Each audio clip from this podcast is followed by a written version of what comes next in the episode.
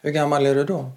Då är jag sex år, för jag började skolan då. Ja. Vid Hitsinge havplats i folkskolan där. Aha.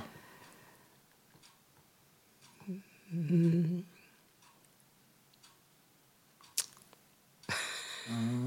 Du skrattar. Vad vill du veta mer? Allt. Allt och lite till. När jag gick i tredje klass Ja.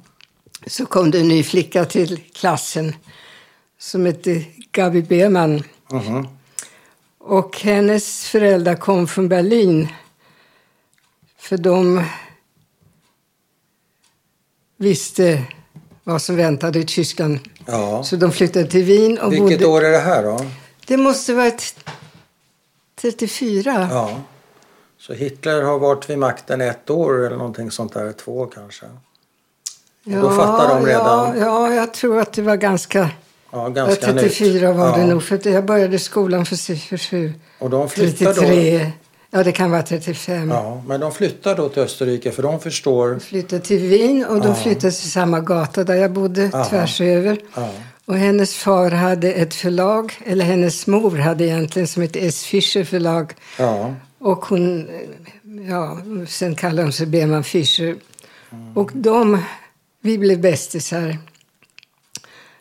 Och eh, var väldigt tajta. Och sen när Hitler, eller när tyskarna invaderade Österrike 38 så flydde de samma natt vidare för de visste vad som väntade. Och kom först till England och sen till Sverige. Jaha. Och sen var det genom några kontakter som de hade som de hjälpte till att få ut mig ur, Wien så småningom. Jag vet inte hur det gick till. Det var någon advokat Philipsson inblandad i det hela. Jag vet inte. Men det var i alla fall i de, Han, var memo- väl, han var väl knuten till församlingen Philipsson, Ja. har jag för mig. i de memoarerna som både Gottfrid Beman Fischer och hans fru Tutti har skrivit så skriver de att de då hjälpte mig som Gabis bästa väninna att komma till Sverige. Men hur de gjorde vet jag inte. Nej, okej. Men växte du upp i vad för någonting? En, en judisk familj, en assimilerad familj? Assimilerad. Helt assimilerad? Helt assimilerad. Alltså, eh, min mor var väldigt ivrig att vara assimilerad och min far följde med så gott han kunde. Ja, Han hade väl haft en bar mitzva i sin ungdom. Och, ja. Men han slogs inte för det utan Nej, det var nej. mamma som... Mm. Men eh, judiskt assimilerad eller var ni, ös- uppfattade du det som icke? Nej då, vi, vi var judar. Vi hade Ja, den där judar. blåa bössan i hallen Ja. och sådär. Och, men det var liksom lite hemligt. Det var Men- hemligt? Ja, det var liksom sådär som man inte skulle prata öppet om. Men eh, det är klart, i huset visste de ju det. Så att eh, portvaktens son som lekte med min bror han pratade om att alla bo- judar borde hängas i närmaste träd och min bror kom upp och berättade glatt det här. Och så fick han veta att han var jude. Det visste inte han innan. Nej. Hur gammal är han då? ja, då är han väl fem, sex år Ja. kanske. Och portvaktens son förstår inte heller att den här kompisen är jude. Han förstår inte att din Leo. bror, att, att din Det bror är vet jude. jag inte, för hans mamma förstod det mycket väl. För att Hon det visade sig sen när nazisterna kom, då visade det sig att de mycket väl förstod det. Nämligen? Ja, då... Då tog hon ju över, så att säga. Då, då var det hon som hade makten. Ja. Men vi var inte kvar så länge. Och hur yttrar det sig? Sa du? Att hon tar över? Vad betyder Ja, det? Det här är en portvaktsfru du pratar om. portvaktsfru. Och vad, vad kan hon ta över? Ja, hon hade ju de andra med sig i huset. Jaha. Jag, jag, jag kan inte säga några detaljer. Jag vet bara att, det, att, eh, att hon var väldigt eh, fientlig, elak. Ja. Och vad hon hade för makt vet jag inte riktigt. Nej. Men, men hon gjorde väl allt för att ange oss vad hon kunde och sådär, Ja. tror jag. Vet du någonting, eh, när du säger att hon var elak, vet du på vilket sätt? Var det mot dina föräldrar eller var det mot er barn eller? Nej, alltså... det här är ju dumt att säga så här för att jag vet inte riktigt. Jag vet Nej, bara att vår grannfamilj, vi, det var två som bodde högst upp. Mm.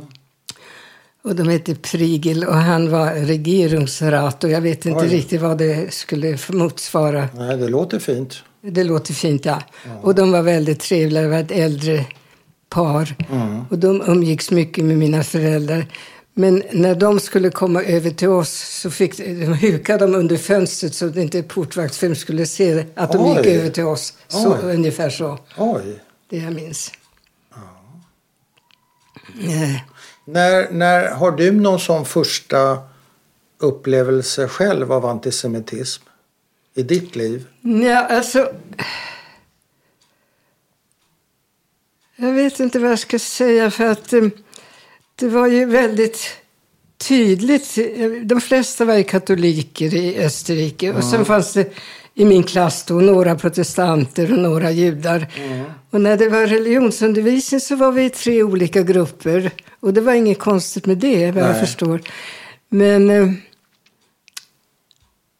vi visste ju, i alla fall 37, början på 38, så visste vi ju då vilka som var nazister. Och de, de hade såna här rockuppslag och så hade de hakkors under rockuppslaget. Du pratar om elever Lä- eller lä- lärare? Lärarna, lärarna. Lärarna. Så det pratas ju mycket om, ja, Ja, så det visste Vilka som det var nazister. Ja, det hade ni koll på. lite grann. Vi tittade på deras rockar. Det, det är det enda jag minns av den Ja. tiden, innan Anschluss. Ja, men det är ing- du har inga liknande minnen som din bror? Eh, att någon ropar till eller någon eh, Nej, inte, retar inte eller före så? Anschluss. Nej, nej. nej. Och vad händer då? Det är 38 va? I Anschluss. mars 38. Ja, vad händer? ja. Hur minns du det? ja, jag minns då att det var väldigt mycket jubel i, på gatorna. Och mycket hälsningar att äntligen få uppgå i tyska riket. Ja. Och, och sen minns jag ju kristallnatten, men det var först i Det var november. lite senare. Hur, hur Ja. upplevde du det där Anschluss då? Du som liten judeflicka? Ja, Eller var alltså- du med på det hela och tyckte också det här verkar toppen? Nej, det var Förstår inte, du? men jag, jag fattade inte vidden av vad det Nej, innebar. det Absolut inte. Men var det Nej. spännande och intressant eller var Ja, det skräm? det kan man säga. Ja. Och jag menar, jag såg de här BDM-flickorna i blåa veckade kjolar och vita blusar som Det är tågade och sjöng. Hitlerjugend för flickor Bunt- alltså. Buntartsmedel. Ja. Ja. Och, och det, det, jag kände mig lite avundsjuk Ja. att inte få vara med. Nej, Sådär. Så jag kände ju att jag fick ju inte vara med nej, i olika sammanhang. nej.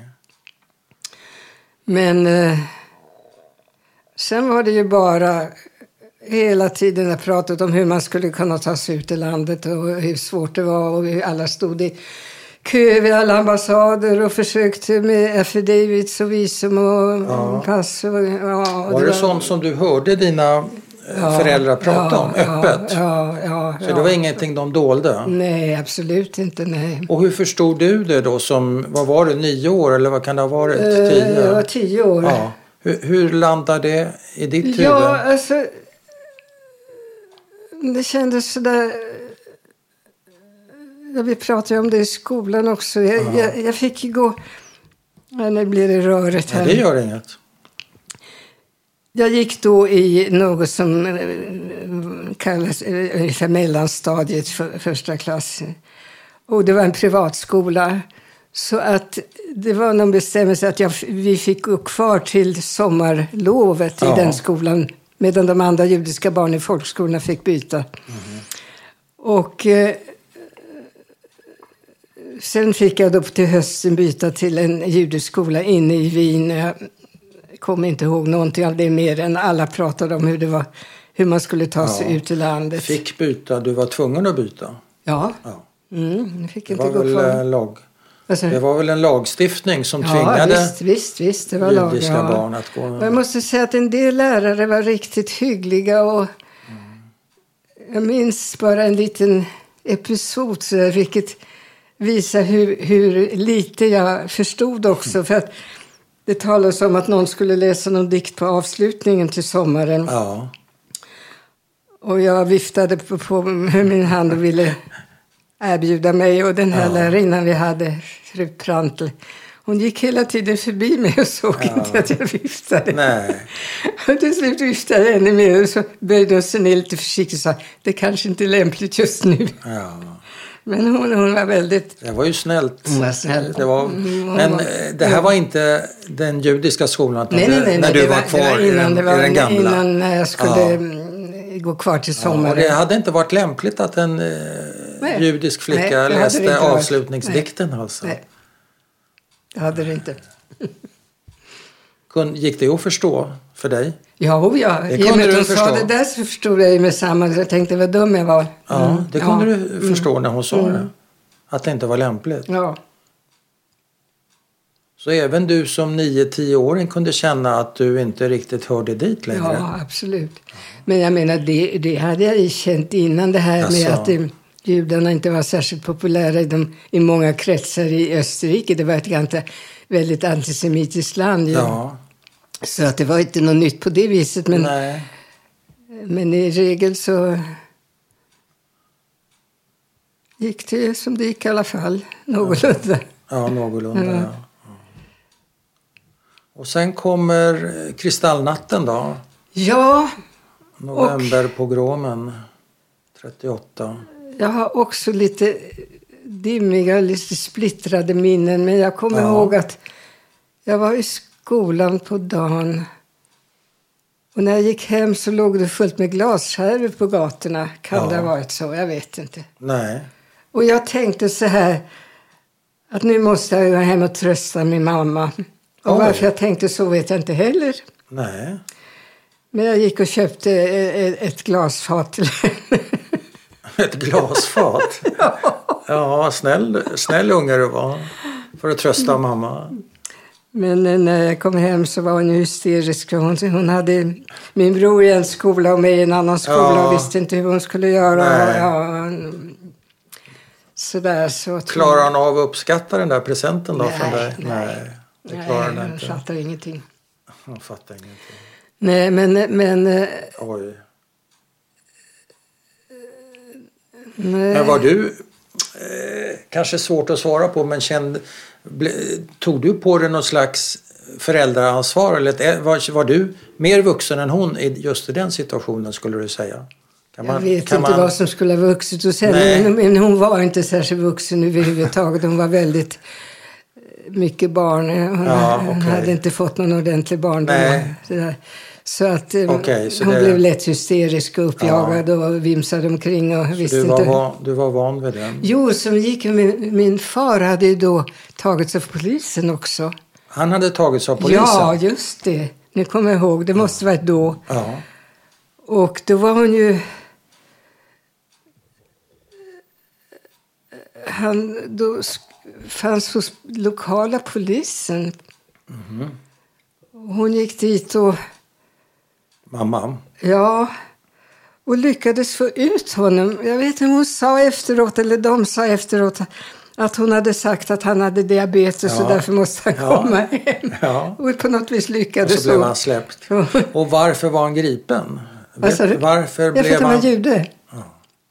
Antar jag. Jag vet inte. De hade inte börjat med de där gula stjärnorna än då. Nej. Men han blev väl... Ja, jag vet inte. Han var i alla Men fall han hade inte en butik va? Eller hade han det? Han hade en firma på... Ja, vad heter gatan? Jag kommer inte ihåg. Men eh, han och en komp- kompanjon hade den. Men den blev övertagen sen av en eh, nazistisk överrock som eh, väl löste ut dem för en krona eller någonting Ja. sånt där. Jag vet inte riktigt. Nej. Så jag menar allting... Men de hade inga skyltfönster som krossades menar jag. Nej, nej, de hade inte någon butik. Nej. Utan det var en firma som Ja. eh, handlade om... Så de var inte så utsatta kanske med en gång Nej, för just det här. nej, det tror jag inte. Men jag vet inte så mycket. Jag vet Nej. faktiskt inte. Nej, du är ju inte så gammal vid den här tiden. Så. Nej. Och vissa saker är liksom väldigt utsuddade ur minnet också. Ja, tror du att du har förträngt dem menar du? Eller, eller var det länge sedan? Det är svårt att veta, men... men Jag har sådana där ögon, vissa små bilder men, men sen inget sammanhang mellan dem. Det kanske så det såg ut för dig då. Ja, det kan hända. Det kan hända. Det är inte alltid man förstår eh, sambandet som, nej. som barn menar jag. Nej, Jag vet inte. nej. På den tiden såg väl pedagogiken lite annorlunda ut eh, när det gäller det- hur man pratar det- till barn. Det också, ja. ja, ja. Så vad händer härnäst? Ja. Det, det är också en sån där bild som jag kommer ihåg att vi gick från skolan, judiska skolan genom en park. Och vi höll på med såna här små, små blombuketter och några små eh, plast. eh, Plast fanns inte på den tiden. Men i alla fall som man Ja, kunde men sätta konst, på... en konst, Ja, så konstblommor så man kunde säga. sätta på Ja, och så kom det en kvinna förbi och skrek åt oss. Vad är det där för sätt ni ska ha kors istället? ja, ja. ja. Men alltså grejen är ju det. Man kan kom- säga hur ni än gjorde så gjorde ni fel Ja, i det läget. ja det Antingen, är klart. det- Vi kunde det, inte. man kunde inte göra rätt. Ja, Jag förlåt. för mig att inte- vi inte fick gå på trottoaren utan skulle gå i rännstenen. Ja, det är eller sånt där. Jag vet riktigt. inte om Ja. det är sant eller om jag Ja, inbillar det- mig det. Det, det finns det berättelser om. Ja, Judar fick inte gå på trottoaren. nej. Men alltså samtidigt mitt i alltihopa det där så tyckte jag nog att allting var lite spännande. Mm. Det var så mycket nytt och så mycket annorlunda och så mycket som hände och nya pengar. Och, Mm. Ja, Det går ju att förstå. nej. Det gör det ju inte i efterhand. Men jag menar då... då Ja, men då går det ju att förstå. Ja, ja, mm. Kan inte du förstå dig själv som flicka? menar du? Nej, jag, jag har svårt för det. Du har svåt för det? Svårt för att, för att eh, Vad skulle du- identifiera mig med den, Ja. Den personen. För svårt att? för att... eh, Jag tycker inte om henne. Du tycker inte om Nej. henne? Och vad är hennes brott?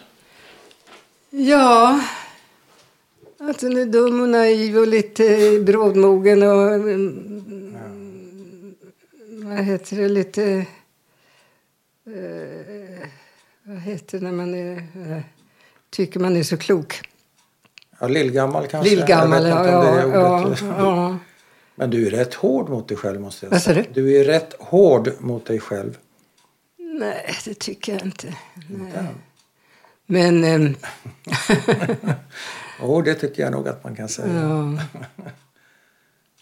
Har du inte försonats med den där brådmogna tösen? Nej, jag har nog inte det. Jag har nog inte det. För jag tänker ibland sådär, eftersom jag kom som fosterbarn sen till Sverige, så tänker jag att det var nog inte så lätt. Varken att vara fosterbarn eller Nej. att få ett sånt fosterbarn som var lite allvarligt och lite ledset och lite små. Men har du, har du inget behov av det? Behov av vad då? Försonas med dig själv? Alltså din, eh, med barnet? Ja, det måste jag tänka länge på. Det kan jag inte svara på på en gång. Nej. Det kan jag inte säga. Nej.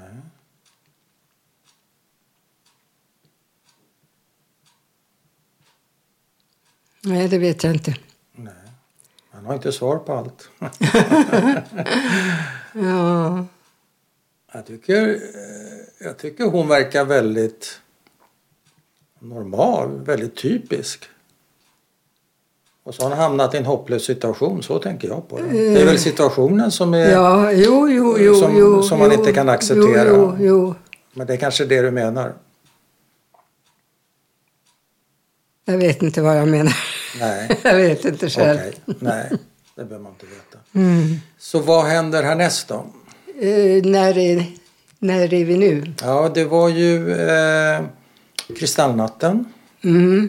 Och vi är ju på väg fram mot eh, att flyktplanerna tar form och så vidare. Det var Men vi, november, vi är ja. ju inte riktigt där än och då är jag nyfiken på vad som händer fram tills dess och hur det går till. Men vänta nu, måste jag tänka. Det var november 38, va? Kristallnatten. Ja, Och då var ju den här sommaren emellan, ja, innan jag började judiska skolan. ja.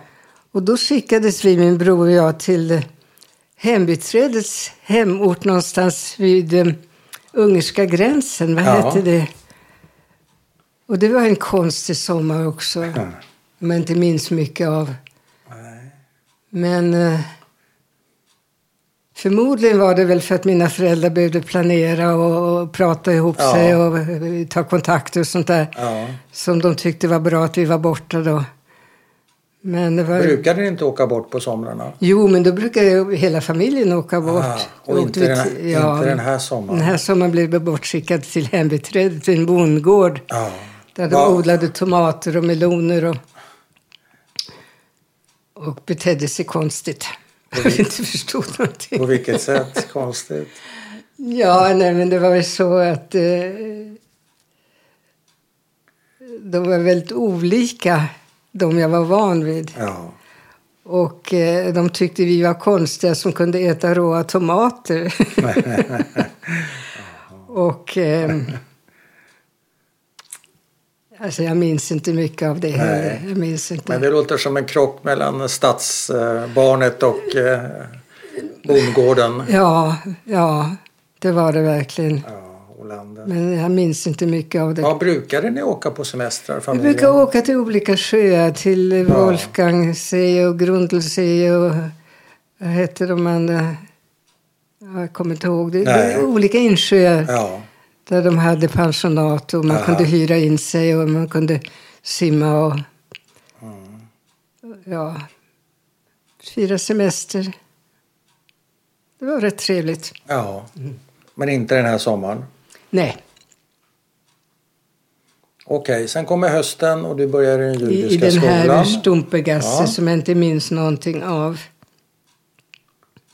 Och då måste ju mina föräldrar ha planerat väldigt mycket som jag inte visste om. För att de... Vi visste ju inte när vi åkte till Sverige att de skulle åka till Ujvidek Novi Sad med till min fars släktingar. Nej, Det hade de inte talat om för oss. nej. Så det fick vi veta när vi var här, att det, att det var där de var. Så det skedde samtidigt? Jag vet inte riktigt när det skedde. Nej, men ungefär samtidigt. ja. mm. När är första gången du får höra om eh, planerna att du ska Ja, lämna ja. och hur och så vidare? Vad berättar de? Uh, tänk att det minns jag inte heller. Nej. Men jag minns att jag brevväxlade ju med min väninna här, Gabi. Och ehm, de berättade lite om, om Stockholm och, och jag fick veta om det här eh, stället på Mälarstrand dit jag skulle. Och, Mm. Ja, jag tyckte ju att det var roligt att få träffa henne igen, Ja. tror jag. Ja. Och sen, ja, lite spännande allting sådär. ja. Och sen var det ju så att mina föräldrar sa att vi skulle vara åtskilda i högst två år ja. och sen skulle vi återförenas högst två år. Och då vet jag inte om de inte fattade vad som höll på att hända eller om de sa så för att lura oss eller om de verkligen trodde ja. på det här. ja. Vad tror du? Ja, jag tror inte att de fattade att det skulle bli krig, det tror jag inte. Nej. Men, eh, men eh, ja, jag vet inte riktigt. De kanske, kanske trodde på det, kanske inte. Jag vet inte. Men kan man säga att du var inte helt emot det här eh, Nej, nej, projektet? nej, nej, nej, jag tyckte det var spännande. Tyckte det var... Ja. Och, eh, åker du själv eller åker du i en grupp? Är det några vuxna jag med och så vidare? i en grupp som eh, Svensk Israelmission Ja. hade. Och det var, jag har förstått när jag pratade med Elisabeth Åsbrink som har skrivit om det här, ja. att det var avsett för Mischlinge. Barn Ja. Eh, Mischlinge det är alltså halv, halvjudar, Mm. bland, blandjudar. Mm. Mischlinge, du är väl inte Mischling? Nej, nej, nej. Utan det var väl det som eh, de här Bergman Fischer på något vis lyckades utverka att, Ja. att jag kom med, eller Ja. vi, min bror och jag kom med Ja. där fast vi inte var det. Men själva tanken med den här barntransporten var ju att eh, eh, konvertera kristna oss. Och, och enligt Elisabet så kallades vi icke-ariska kristna då. ja, av Israelmissionen. Ja. Men eh, följ, eh, åker du och lillebror tillsammans till. Sverige? Ja. Och följer mamma och pappa med till Nej, stationen? nej, nej. Det var ju villkoret att de inte skulle försöka komma efter. Nej, men följer de med och tar farväl av Ja, ja, ja, ja, ja. Båda två? Jag tror det. Ja. ja. Och, och får de gå fram till tåget eller måste tas... Alltså, jag har nog minne av att det var några gardiner eller eh, vad heter det, rullgardiner som gjorde att vi inte... Jag tror det, men det, det, jag vet inte. Jag pratade med Elisabeth om det, för hon har ju forskat omkring Ja. det där. Men jag vet inte riktigt. Det enda jag minns att min mormor då, mammas faster då, som bodde hos oss och som Ja. jag kallar mormor, Ja, att hon stod i sin vita särk i, i hallen när vi skulle åka. ja. Och jag tänkte, vad konstigt att hon inte gråter nu. Hon brukar ha så lätt för att gråta. Nu har hon ju verkligen anledning att göra det. Det tänkte jag när jag var tio år. Ja, du var lillgammal. Ja, ja, Ja, jag sa ju det. ja du sa det. det Men jag. hon försvann ju i något läger. Ja, jag vet inte riktigt. Nej. Vet inte vart. Kände du nå- någon eller några på, på tåget, tågresan? Nej, Hur många var ni ungefär? ingen aning. Vi Nej. var i olika kupéer. Vet du några vuxna vilka det var, vad de hette? Och... Enligt Elisabeth så fanns det någon sköterska med, men jag har Ja. ingen minne av det. Nej. Och, Hur var, hur var ditt humör? Ja, alltså... Jag var, väldigt rädd när det kom uniformerade personal i korridorerna, minns jag. Ja. Och sen minns jag en annan grej, för klev upp till bagagehyllan av någon anledning. Och jag hade såna här träningsbyxor på mig med resår ner till. Ja. Och då gick resåren det gick av och jag skulle dra till resåren. Ja. Och så får jag tag på ett guldhalsband som är insytt i resåren. Som du inte visste om? Nej. Och jag var eh, fruktansvärt rädd att det här skulle upptäckas och vad som skulle hända då. Ja. Mm. Gick det bra? Ja, det, ja, det gick bra. Vi kom fram. Och kommer du ihåg resan någonting, hur ni åkte någonting? Ja, alltså vi åkte tåg först. Ja. Sen säger min bror att vi övernattade i Berlin och det har jag inget som helst minne av. Nej.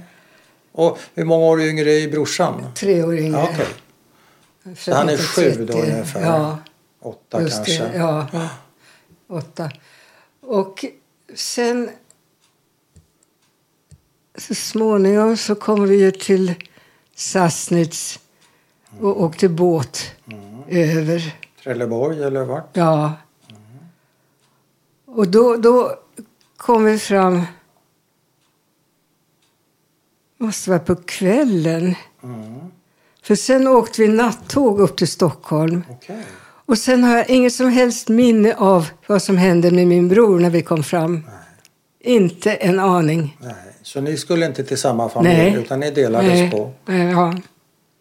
Och blir du mött då eh, uppe i blev mött- Stockholm av din nya Ja, familj? och, och av, av eh, Beman Fischer-familjen Aha. också. Ja, som du känner sedan tidigare Ja, då? så det var ju roligt att träffa Ja, dem. ja. Var din kompis med också då? Flickan? Ja, hon var med. Ja. Ja. Hon hade med sig en, en eh, liten glasfisk ja. som jag fick. Och jag, jag är väldigt glad att jag...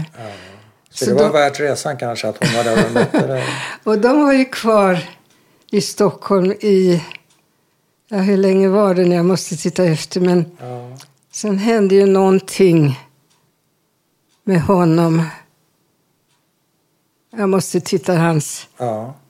memoarer. Men han ble- blev häktad, av, nå- anhållen av någon anledning. Och sen så flyttade de vidare till Amerika och åkte över Sibiriska, Ja. ja, hela vägen. Den vägen. Och bodde där tills de långt efter kriget återvände till Tyskland. Men vad är ditt första intryck av Sverige när du kommer upp till Stockholm och din nya familj? Ja, alltså, jag hade hört... Pratar de tyska till att börja med? Nej, det var inte mycket. Några ord sådär, så vi kunde inte prata kunde om inte Nej, med nej, nej, det var väldigt svårt. Och jag hade liksom en bild i huvudet för att i de här breven så stod det att det var ett hus som låg mitt emot en sjö. Ja. Och då såg jag inte Mälaren framför mig utan en liten insjö. Ja. Men det var det ju inte. Nej. Nej. Nej, det, jag, jag var ju väldigt förvirrad och vilsen och, och, Ja. och, försökte tassa på tå och gö- göra mig så osynlig som möjligt. Men det gick ju inte i längden. Ja. Ja, jag tror att jag helst vill hoppa över en del av den tiden därför att det finns släktingar kvar till dem som jag inte... Ja, som jag eh, inte vill ska höra vad jag tyckte om det. Nej. Nej, Är det känsligt? jag tror det, ja. Mm. Är det känsligt för dig? Eh, Eller är det känsligt för dem?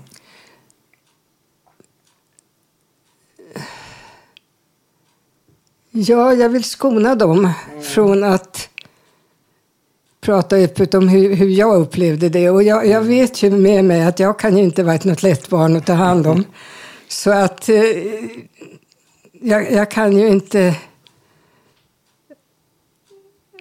vara objektiv i det här alls på något sätt. Men, men jag hade det väldigt jobbigt tycker jag. Där, I denna fina sjurumslägenhet på Mälarstrand. med utsikt över Riddarfjärden. Mm. Ja. Det är väl inte att undra på. Det skulle man väl kanske ha hos vem som helst. Nu vet inte jag precis vad du Nej, eh, förtiger här men eh, Nej, det är inga, är inga stora du är- hemligheter. Det är bara det att...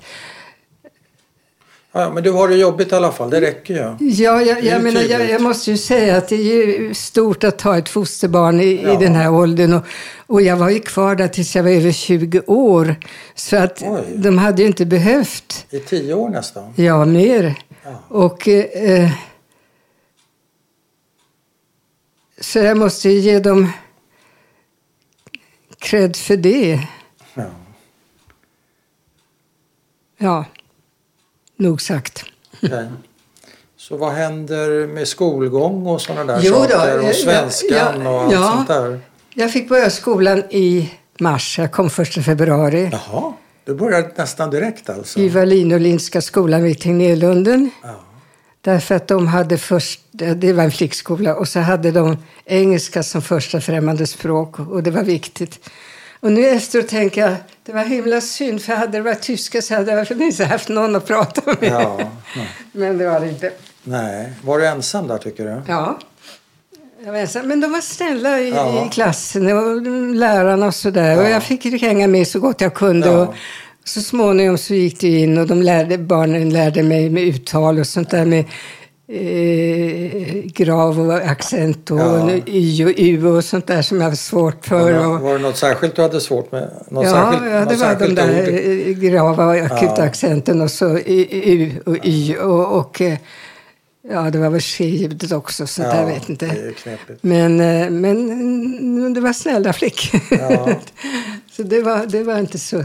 Men du kanske inte kunde få kompisar där om du inte hade språket, eller? Ja, och ändå så fick jag en bästis ganska snart. Jaha. Men sen delade de på klassen och då kom vi i olika klasser. Ja. Och eh, sen mm, blev den skolan hopslagen med Olinska skolan på Dalagatan.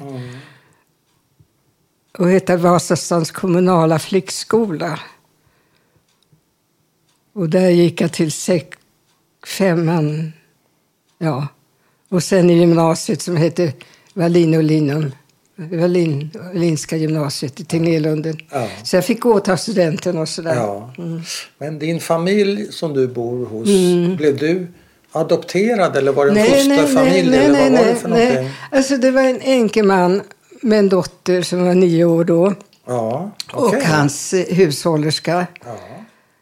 Och deras relation fick vi aldrig riktigt klart för oss. Hushållerskan och änkemannen. Ja. De hade en relation. Tidvis så, ja jag vet inte. Nej, På slutet hade de det i alla fall, ja. Och... ehm,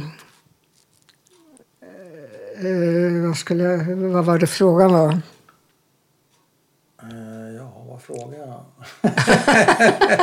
jag är redan framme vid nästa fråga. Jag frågade... Kato, vad frågade jag? jag bara frågar och frågar mekaniskt. ja, med svenskan. Ja. Eh, Jag lärde mig svenska ganska snabbt då i skolan och så.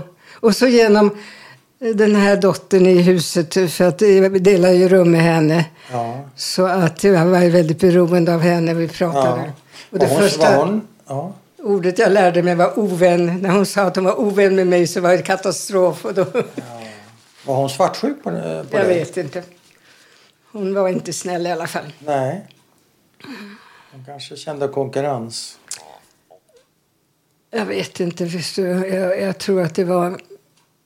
Jag tror att hon hade det trassligt för hennes mamma dog när hon var tre år och sen eh,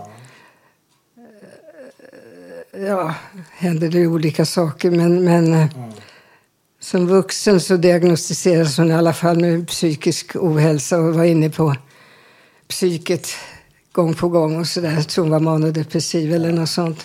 Men Och, ja. din fosterpappa, kallar du honom för fosterpappa eller vad, vad kallar du honom för? Farbror? Han ville jag skulle kalla honom för onkel. Ja, det lät ju väldigt konstigt i Ja, mina öron. ja. För så sa man ju inte i Österrike. Man Nej. sa inte farbror på det viset. Nej. Och eh, Så vad sa du då? man, man sa ju inte du på den tiden Nej. heller. Utan det var hela tiden omskrivningar så det var lite krångligt det hela. Ja. Så Ja. Hur kunde det låta då? Ja, i tredje person sådär. Ja, men eh, kallar du honom för farbror eller? Ja, han ville ju det. Ja. Och eh, han deltog inte mycket i hemmet så att säga. Utan Nej. han vistas i lite högre sfärer Jaha. där han vistades. Ja, vad jobbar han med då? ja, säg det. Han kallas för direktör. Ja. Och han hade ett, ett kontor på Tunnelgatan med två anställda då. Och vad de där anställda gjorde vet jag inte mer än att en fick skriva ut min hemuppsats på maskin. Ja. Och sen avvecklades den här, det här kontoret. Ja.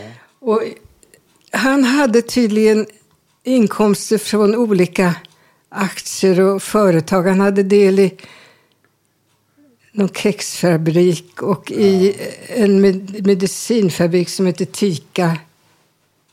Alltså han levde på utdelningar helt Jag, enkelt. jag Och tror det. räntor. Det, var, ju- det sades ju aldrig någonting. Jag vet Nej. inte. Det låter så. Det var aldrig någon, någonting... Men jag tänker på Öppet. kompisar. Eh, hade du några judiska kompisar? För han var väl jude? Ja, han var jude, ja, men inte hon. Ja. ja. Ja, det var ju kusinerna då. Och uh, sysslingarna. Eh, och sen, det var lite roligt, för vi bodde på Norrmälarstan 52. Och det var en sån här gård bakom till 56an, efter 54-56. Och där brukade vi vara och spela brännboll och vad det nu var.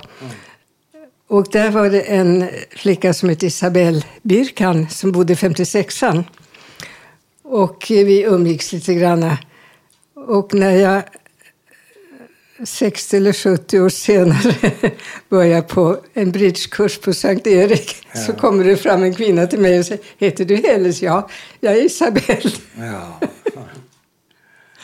Ja, sen var vi ganska mycket tillsammans och spelade ihop. Och hon dog precis för ett år sedan.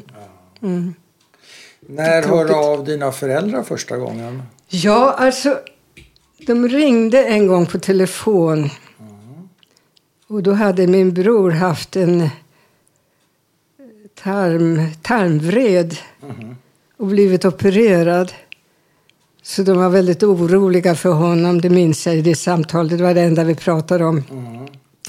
Och sen kom det ju brev från Novi Sad, var det väl då. Med såna där ka- eh, kuponger som, svars, som man kunde lösa emot frimärken. Det fanns på den tiden. Ja. Så att vi kunde svara. Ja, ja. Och sen var det hela tiden klagomål från dem och från Breman Fischer över att jag inte skrev tillräckligt ofta. Ja. Så det där var över mig hela tiden och jag ville ju inte tala om hur jag verkligen kände det utan jag ville ju försöka låtsas som allt var bra. Ja. Så att det där var jobbigt. Och då lät du bli, hellre bli att skriva? Ja, eller, eller skrev jag om vädret eller något sånt. Ja. Och det var ju inte det de ville höra. Nej. Och du orkar inte berätta hur du hade det? Nej. Och sen var det ju det här väldigt tråkiga när Beman Fischer flyttade till Amerika. Ja. Och då kände jag mig väldigt ensam. Ja. Men deras kusin är Frans Kohn. Ja. Och... Eh, var det jag var bjuden på någon... Ja, Jag, jag kommer inte ihåg riktigt. Var... Nej, vi skippar det. Jaha. Men eh, så vad händer då? När, när träffas ni igen? Du och dina föräldrar? Ja, Och förresten, Ja. innan, var, hamnade din brorsa? Det fick man ja riktigt utrett. hos en baptistpastor Jaha. som heter Svärd, Arvid Svärd Ja, I Stockholm eller var? i Tureberg. Tureberg, är det Sollentuna? Eller var det Jag tror att det är Tureberg? Sollentuna nu. Baptistpastor. Hade han det bra där, brorsan? Han tyckte ju att det var jobbigt med allt det där med söndagsskola och Ja. förbud mot allt världsligt och sådär. Och jag vet att ibland på söndagarna så träffades vi för jag fick ju väldigt mycket förmaning att jag skulle ta hand om honom. Och det var inte så lätt för då hade jag en månadspeng på fem kronor. Mm. Men det räckte till någon matiné. Ja. Och då brukade jag ta med honom på en matiné med Hans Ryman som var på tyska för att han skulle förstå. Det kommer jag ihåg. Men eh, för det mesta så gick vi bara omkring på gatorna för vi hade inte pengar till någonting Nej. annat. Så att eh, det var inte lätt för mig att ta hand om honom. Men eh, Hade ni en bra kontakt trots det? Ja, det var ju så att... Vad ska jag säga? Vi hade väl aldrig någon bra kontakt för att jag var ju svartsjuk på honom. För han var ju favoriten hemma. Ja. Han var pojke och han var Ja. lockig och han var rolig och sådär. Och Och jag var släthårig och tråkig och allvarlig. Då. Så ja. att, eh, Det har man svårt att tro. Det, det, ja. Så jag var lite svartsjuk på honom och det, Ja. var, det, det fanns ju kvar i, även här. Ja, Eller en, i, i mina känslor. fanns en viss konkurrens mellan Ja, er. ja. Men fick ni, eh, när ni blev vuxna och sådär, hade ni en bra relation då? Eh, han flyttade tillbaka till Wien till mina föräldrar efter krig, i någon, 1950 någonting, när han Ja. hade gjort lumpen. Ja. Och eh,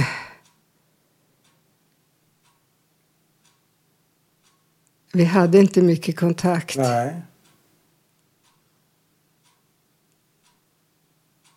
Nej. Och mamma och pappa då, hur gick det med den relationen? För att prata om någonting annat. Min mamma kom ensam hit 1949 när de hade kommit ut från Jugoslavien var det väl då. Mm. Nej, jag- vet inte. Det var så konstigt. För de var i Wallenberghuset också. Jaha, i Som var Budapest? omväxlande i Belgrad och Budapest. Ja. Jag vet inte var de var på slutet, men de Nej. kom inte ut i landet.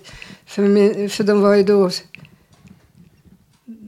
Eh, vad heter det? Min, vi hade fått tillbaka eh, vad heter det? medborgarskapet. Där. Ja. Jag vet inte vilka tur, men de kom först ut 49. Ja. Och det första min mamma gjorde då var att försöka komma hit och träffa oss ensam då. Ja. Och det var också så huvudlöst för hon hade ingenstans att bo, hon hade inga pengar. Eh, Och, och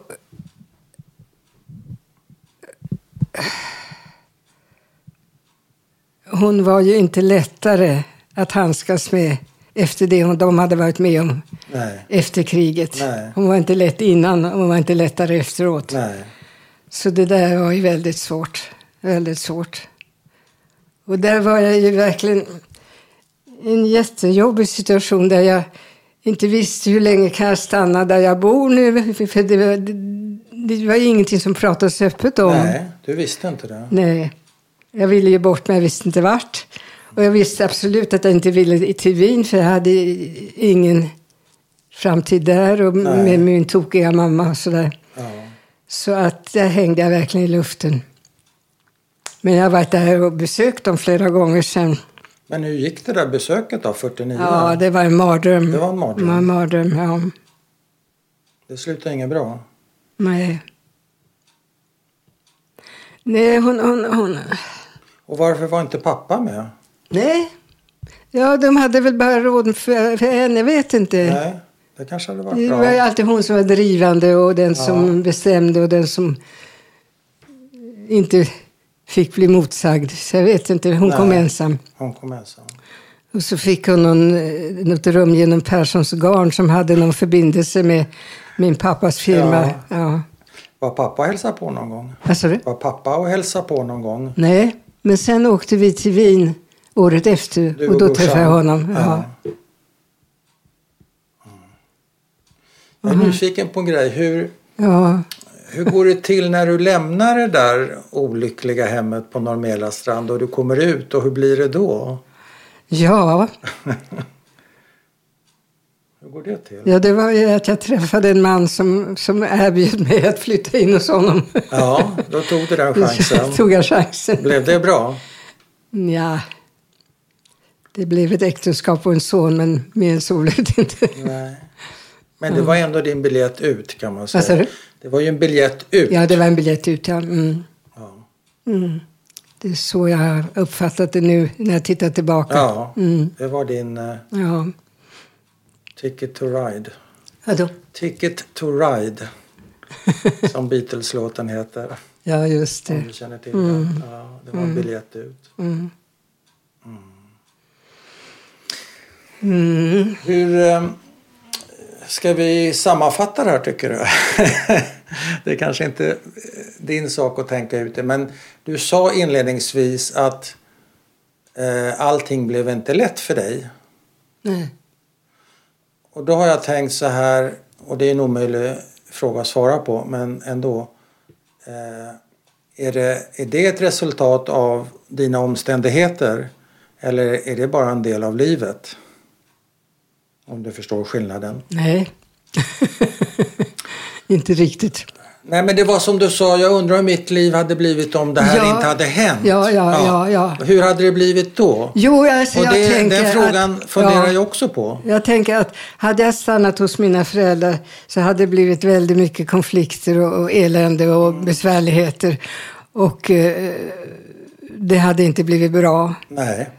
Och det här blev inte heller bra. Så det var kryssa mellan Skudis och Karybdis eller vad man ska säga. Ja, Men eh, jag har kommit ut levande därifrån i alla fall. ja, och du verkar vara en glad människa. Är det bara en fasad? Nej, jag tycker att eh, för att vara så här gammal så kan man ju vara tacksam. att det är som det är. Vill du lägga till något? Efter alla dessa frå- frågvisa frågor. Du sa att du tyckte det var lite jobbigt men Ja, du kanske vill... eh, Du, vad sa du? Du blev barn... Nej, du blev psykolog. ja Ja. Har det någon koppling till ditt livsöde? det Eller var hade det du säkert. det Det var säkert. För när jag hade tagit studenten så visste jag inte. Det var helt tomt framför mig. Vad, Ja. vad blir det nu? Jag hade ingen att prata med. Det fanns ingen yrkesvägledning på den tiden eller något. Nej. Så jag började läsa engelska på universitetet för det var det alla flickor gjorde på den tiden, Aha. trodde jag. Ja. Och det var helt meningslöst. Läsa Chaucer och Shakespeare The Tempest och sitta på KB. Men, eh, då fanns det inte Stockholms universitet utan bara Stockholms högskola. Ja. Och då hamnade jag på en föreläsning. Jag- Jag tror att det var Lajos Shekai Ja. som då hade någon gäst, docentur eller vad det var Ja. här i praktisk filosofi hos Tegen, professor Tegen. Och han pratade om vad det nu var, om drömmar eller vad det var, Aha. och psykoanalys. Ja. Och då, då tänkte jag det här är någonting jag vill haka på. Det här. Och eh, då började jag läsa pedagogik. Och det, det fanns inget psykologiämne på den tiden. Men det, det klickade till hos dig? Ja. Och varför? Jo, därför jag behövde reda ut mitt eget liv Ja. på något sätt. Jag behövde liksom få lite ordning på saker och ting. Visste du att han själv var, han var väl judisk Ja, ja, flykting? un- ungersk-judiska, ja. Visste du det? Ja, det tror jag. Ja. Kände du kanske någon samhörighet? Ja, det är möjligt. Det var ju så att den som hade pedagogik med psykologi då var David Katz. Ja, Så det naturliga hade varit att Sheka hade hamnat hos honom. ja. Men det funkar inte mellan dem. Men Einar Tegen var då en mer vidsynt person så han Ja. tog in Shekai. Som, jag minns att han pratade så dålig svenska på den tiden. Ja. Och eh, jag satt bredvid eh, portvaktspojken från Pilgatan 3 som var granne till mig och som sen blev professor i vad, vad det nu var. Jaha. Sociologi. Oj. Men han brukar rita gubbar när han satt bredvid Ja. mig när vi hörde på. Och när, när Sheka sa han hoppas han hoppar på sin mamma. Jaha. Så ritar han en tjock ångande kvinna och någon som hoppar på henne. Ja, och vad, vad vill han säga? Han hoppas på eller vad? Ja, det var det han hoppades. Ja. Han Hoppa på sin mamma. Ja. Ja, Så det blev eh, livsavgörande för dig kan man säga. ja det, det, det, det blev ju... Sen läste jag sociologi och praktisk filosofi. Och Ja. Jag kommer inte ihåg vad det tredje ämnet var. Det var liksom en sån där riktig EPA-examen. Alltså. Och sen... eh, Varför säger du så? Ja, Ned- därför att egentligen skulle man ju ha lite olika ämnen. Aha. Va? Och det här var ungefär samma grej Aha. alltihopa. Ja. Okej. Och eh, de var snälla. och Jag behövde inte skriva någon uppsats och sådär. Så det, det, jag gled igenom. Ja. Och vad började du jobba sen då? Sen började, jobbade jag på Skå ett år, eller var där som praktikant. Ja, med Skog-Gustav? Ja. Ja. Och det var 1952 eller 53, Ja. det var alldeles i början. Spännande. Och då träffade jag verkligen intressanta människor. Då Ja. plötsligt började jag få ihop saker och ting och det blev spännande och fick nya vänner och sådär. Ja. Och sen eh, ledde det till att jag började på Rika stiftelsen. Och gick då första årskursen där och sen gick jag högre årskursen, blev utbildad till barnpsykoterapeut. Och sen ringde de från Liljeholmens PBU och behövde en vikarie på halvtid. på den vägen var På det. den vägen är det. Ja. Då var du kollega med, eh, vad heter hon, Miriam Israel antar jag? ja, alltså Var inte ni ungefär? Hon var inte på samma PBU men jag kände ju henne och de bodde i Västertorp samtidigt som jag också. Hon och Jockel på den tiden. Ja, på den tiden. Eh, det var hon som, vi pratade om matser någon gång, att det är så gott med matser. Och så sa hon, jag är särskilt med smör och skinka. Ja, just det. Ja, det undrar om inte... eh, Dan Israel har varit min förläggare. Jag undrar om Ja. inte han har berättat den Ja, historien någon gång. ja. Men fick du... Fick du någon hjälp då, tycker du? Ja, Och jag, trassla ut ditt liv? jag har ju gått i terapi halva mitt liv, jag Ja. nästan, i olika... Eh, Nej, men jag tänker så här, fick du hjälp?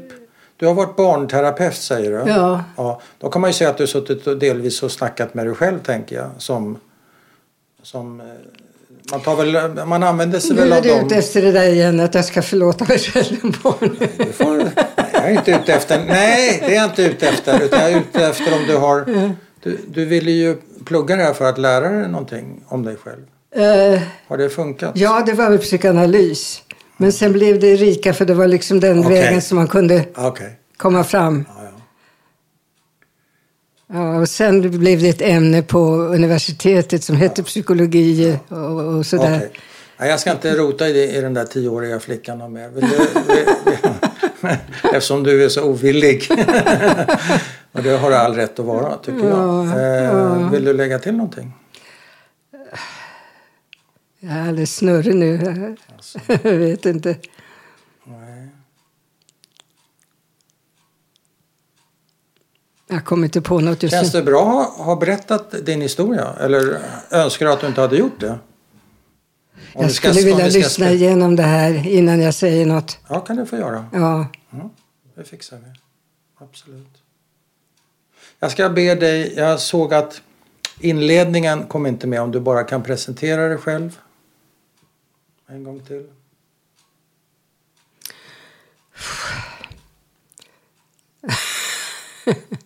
Ja, jag heter Helle Sylvan, född Breslau i Wien 1927 och kom till Sverige 1939, början på året, februari, med en kindertransport som ordnades av Svensk Israelmission och har bott i Stockholm sedan dess och utbildat mig till barnpsykoterapeut och även till terapeut och eh, gått i pension för rätt många år sedan och nu är jag pensionär. Tack. Det var exakt likadant. Var det? Ja, det var Ja. Tack. Mm.